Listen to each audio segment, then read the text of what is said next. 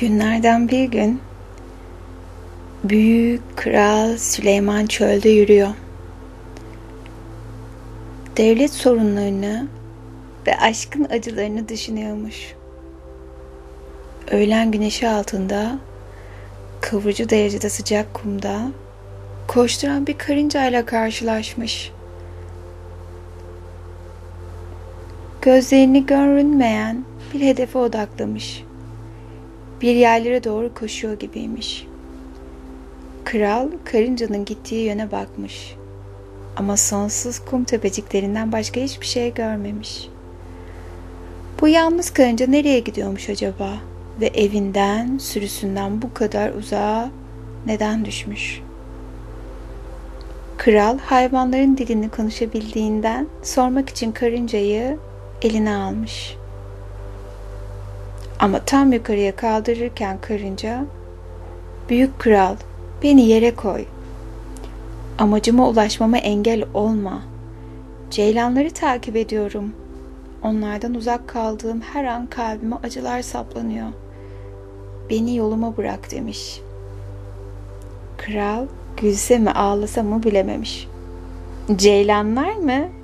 Senin gibi bir toz tanesi o zarif ceylanlardan ne anlar?''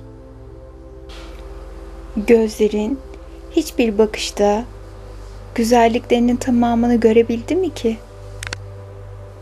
Büyük kral gölgelerinin üzerimden zerafetle su gibi akarak geçtiğini gördüm. Ve o zamandan beri kalbim o güzelliği tekrar görmek için çırpınıyor. Onlara nasıl ulaşmayı umuyorsun? diye sormuş kral. Senin için geçmesi aylar sürecek. Bir tepeyi bir atlayışta geçer onlar. Kumda bıraktıkları ayak izine gömülürsün. Kendi işine bak sen. Karınca gibi yaşa. Topla, biriktir. Kalabalıkta saklan. Senin gibi küçük bir varlık dünyaya hayallerinin gölgesini takip etmeye değil, kalabalığın korumasında kalmak için gelir. Büyük kral Beni yere koyman için yalvarıyorum.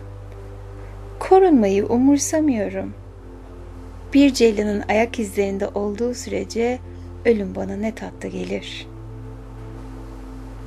Bu güzel masal bize aslında ruhumuzun pusulasını takip etmeyi gösteriyor. Ruhumuz güvenlik ve konfordan çok daha fazlasını arzular. Güzelliğe uzanan bir pusula gibidir.'' Senin ruhun neyi arıyor? Ona kulak ver. Onu takip et. Ve düşün bakalım. Hayatta sana güzel gelen şeyler nelerdir? Mesela dışarıda bir yürüyüşe çık. Ve güzel bir şey bul. Onu en az 5 dakika incele. Sonra seyir defterini ona anlat. Ve bitirdiğinde Yazdıklarını oku ve kendine sor. Dışarıda gördüğün bir güzellik nasıl benim yansımam olabiliyor? Yani aslında sorduğum şey senin Ceylan'ın neler?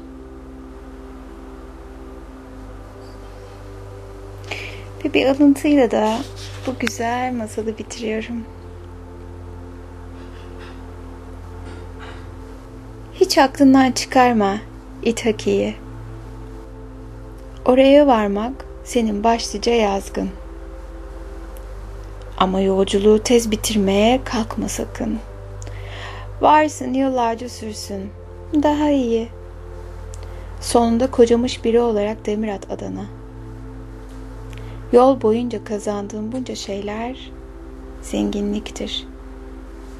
İthaka'nın sana zenginlik vermesini ummadan sana bu güzel yolculuğu verdi İthaka.'' O olmasa yola hiç çıkmayacaktın.